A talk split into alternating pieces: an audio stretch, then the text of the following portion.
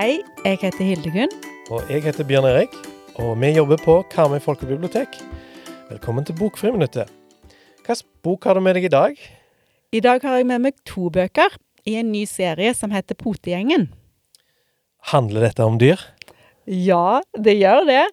Eh, eller det handler om bestevennene Greta, Pernille og Kim. De er veldig forskjellige, eh, men de går i samme klasse og er en del sammen. Og så er det det at alle sammen elsker dyr, så det handler absolutt om dyr. Eh, Men av ulike grunner så kan ingen av de ha sitt eget kjæledyr hjemme. Heldigvis så er det fullt av folk i nabolaget som trenger hundepassere. Så jentene starter altså en hundepasserklubb som de kaller Potegjengen. Jeg tipper at dette ikke går så enkelt som de kanskje så for seg at det kom til å gå. Det er helt rett, for det er mye vanskeligere enn de hadde trodd å passe på mange hunder på en gang. Og så blir det jo ikke lettere av at de veldig fort blir uenige om hvordan de skal gjøre ting. Nå kjenner jo jeg at jeg syns dette høres veldig spennende ut, og lurer på hvordan, hvordan kommer dette til å gå? Og det vil jeg ikke si. Da må du lese boka.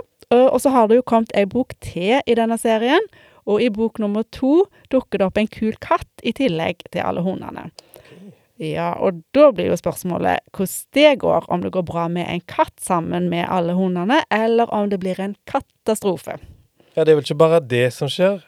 Nei, for i bok nummer to dukker det opp ei ny jente som har lyst til å være med i Potegjengen. Og hva skjer da? Hvem passer denne boka for, tror du? Jeg vil si at alle som liker dyr, de kommer til å like denne boka. Eh, Eller bøkene. Det er jo to bøker, da. Og det kommer kanskje enda flere. Eh, Og så er det tegneserieromaner, og det er jo veldig populært. Du som hører på da, kanskje lyst til å låne disse bøkene. Du kan komme til Karmøy folkebibliotek og låne de der.